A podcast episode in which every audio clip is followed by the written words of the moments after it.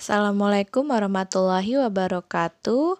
Siswa-siswi Martia Bakti yang soleh dan soleha Alhamdulillah kita berjumpa kembali. Salam sehat, semoga kita semua selalu diberikan kesehatan oleh Allah. Amin Oke, sehingga kalian semua dapat uh, menyimak dan berpartisipasi mengikuti PJJ Biologi hari ini.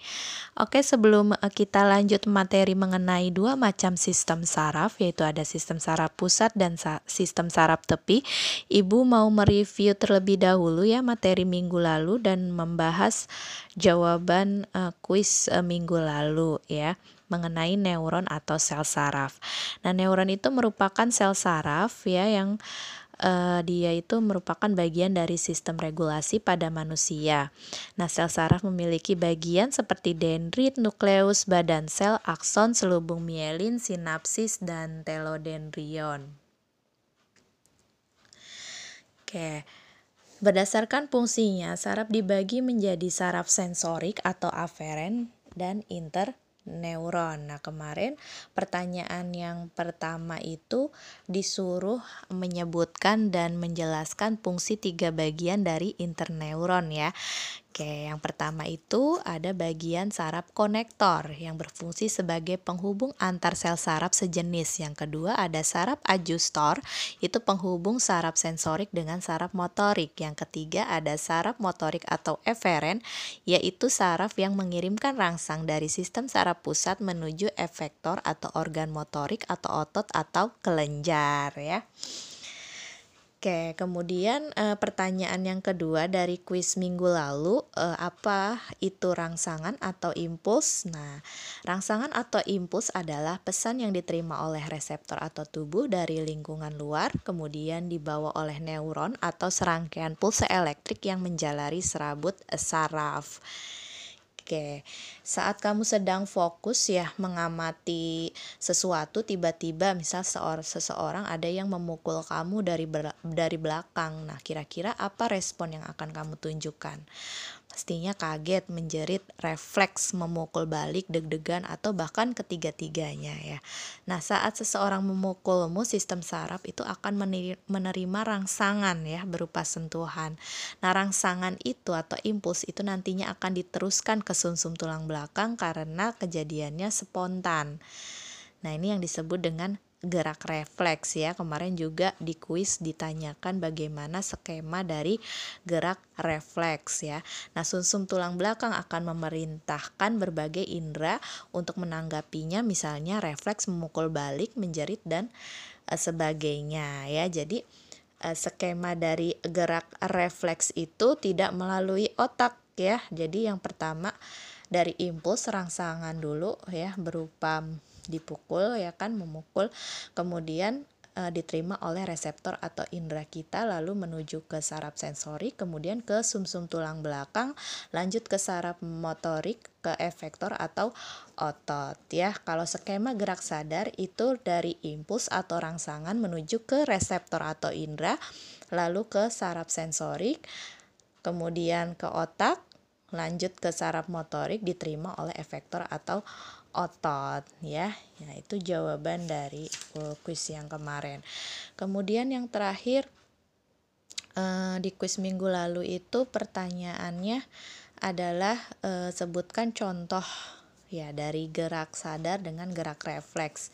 Ya gerak sadar banyak ya bisa menendang bola, bisa menulis, membaca ya gerak refleks itu selain mengedipkan mata karena terkena debu bisa bersin ya atau bisa dipukul. Nah, itu adalah contohnya. Oke, kita lanjut ke sistem saraf pusat ya. Sistem saraf pusat ini ada otak dan sumsum -sum tulang belakang. Nah, sebelum ke sistem saraf pusat, Ibu mau cerita sedikit mengenai mekanisme penghantaran impuls. Ada tiga tahap ya. Yang pertama ada tahap polarisasi atau istirahat, yang kedua ada tahap depolarisasi, dan yang ketiga ada tahap repolarisasi. Oke, Mekanisme penghantaran impuls ya, impuls sendiri itu kan tadi adalah rangsangan yang berupa aliran aliran listrik dan merambat pada serabut saraf. Nah, penghantaran impuls terjadi secara konduksi yang melibatkan pompa ion Na+ dan K+. Na itu natrium, K itu kalium. Nah, mekanisme penghantaran impuls yang pertama tahap polarisasi atau istirahat. Nah, pada tahap ini neuron tidak menghantarkan impuls sehingga saluran ion Na+ dan K+ tertutup dan bagian luar membran bermuatan positif, sedangkan bagian dalamnya bermuatan negatif. Yang kedua ada tahap depolarisasi. Pada tahap ini neuron sedang dilalui oleh impuls atau rangsangan keadaan neuron. Pada tahap ini adalah yang pertama saluran ion Na nya terbuka akibatnya ion Na masuk ke dalam sel.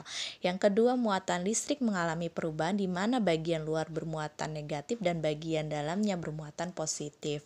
Yang tahap ketiga repolarisasi. Tahap repolarisasi terjadi ketika neuron sudah dilalui impuls. Hal ini mengakibatkan saluran Na+ tertutup dan tidak aktif. Sementara itu saluran K+ terbuka sehingga ion K+ akan keluar. Oke, kita ke sistem saraf pusat ya, meliputi ada otak. Nah, otak ini ada dua bagian. Yang pertama, dia substansi abu-abu adalah bagian terluar otak yang banyak mengandung badan sel. Nah, kalau bagian putihnya banyak mengandung akson. Ya. Nah, bagian-bagiannya yang pertama otak besar atau cerebrum. Ya, di sini ada lobus-lobusnya. Yang pertama ada lobus pontral, lobus temporal, lobus parietal, dan lobus occipitalis. Ya, untuk kuis yang pertama, oke, okay, uh, eh, apa fungsi dari otak besar? Ya, untuk kuis yang kedua, jelaskan perbedaan fungsi dari lobus otak besar ya. Jelaskan perbedaan keempat-empatnya. Apa fungsi dari lobus frontal, apa fungsi dari lobus temporal, apa fungsi dari lobus parietal dan uh, fungsi dari lobus occipitalis. Itu kuis yang kedua. Oke, bagian yang kedua ada diencephalon. Diencephalon ini terletak di antara cerebrum dengan otak tengah ya atau tersembunyi di balik hemisfer cerebral cerebral ya. Di encephalon ini terdiri dari talamus, hipotalamus dan epitalamus. Oke, untuk kuis yang ketiga ya. Jelaskan perbedaan fungsi antara talamus dengan hipotalamus ya. Kemudian ada bagian sistem limbik. Nah, sistem limbik ini sekumpulan struktur yang berhubungan dengan emosi dan perasaan. Semakin besar area limbik, tingkat hubungan emosionalnya akan semakin besar pula. Nah, siapa nih yang suka emosian, baper ya, bawa perasaan. Nah, ini diatur oleh sistem limbik. Oke, kemudian eh, ada bagian otak tengah atau mesencefalon. Nah, untuk kuis yang keempat, apa sih fungsi dari otak tengah atau mesencefalon? Nah, di otak tengah ini nanti ada jembet, jembatan farol ya atau pons, pons faroli. Nah, pons faroli ini berfungsi untuk menghantarkan impuls dari bagian kiri dan kanan otak kecil, kemudian bisa juga untuk mengatur frekuensi serta kekuatan bernafas ya.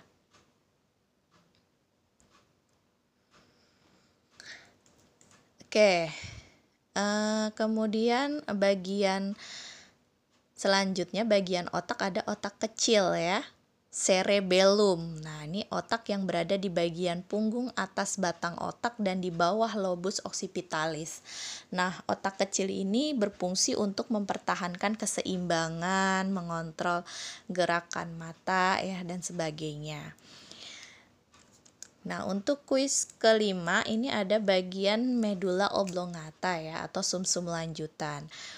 Oke, coba apa fungsi dari medula oblongata atau sumsum -sum lanjutan? Oke, kita ke sumsum -sum tulang belakang sekarang atau medula spinalis ya. Ini bagian sumsum -sum tulang belakang berlawanan dari bagian otak ya kalau sumsum -sum tulang belakang bagian berwarna putihnya itu banyak mengandung akson bagian abu-abunya banyak mengandung badan sel Oke, fungsi dari sumsum -sum tulang belakang sendiri yang pertama menghantarkan impuls sensorik reseptor ke otak, yang kedua pusat gerak refleks, dan yang ketiga penghantar impuls motorik dari otak ke efektor. Oke, yang terakhir ada sistem saraf tepi ya. Sistem saraf tepi ini ada uh, pasangan saraf kranial atau otak dan spinal atau sumsum -sum tulang belakang ya. Oke, sistem saraf tepi terdiri dari sistem saraf sadar atau somatik dan tak sadar atau yang disebut dengan otonom. Yuk kita ke sistem saraf sadarnya atau somatik.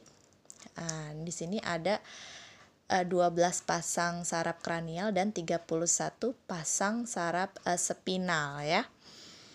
Oke, kalau yang sistem saraf tak sadar atau otonom itu ada sistem saraf simpatis dengan parasimpatis ya. Kalau sistem saraf simpatis itu bersumber dari segmen toraks dan lumbar sumsum -sum tulang belakang. Nah, sistem saraf ini berperan untuk mendukung ya peningkatan denyut jantung, tekanan darah dan terbukanya saluran pernafasan. Kemudian kalau sistem parasimpatis ya, itu bersumber dari area kranial dan sakrum. Sistem saraf ini bekerja dalam keadaan tenang, artinya sistem kerjanya berkebalikan dengan sistem saraf simpatis ya. Oke. Itulah penjelasan dari Ibu dan jangan lupa dijawab e, 5 soal kuisnya ya di personal chat melalui Telegram Terima kasih yang sudah menyimak dan berpartisipasi. Oke, untuk yang menjawab kuis di personal chat atau telegram akan mendapatkan nilai keaktifan ya. Terima kasih. Wassalamualaikum warahmatullahi wabarakatuh.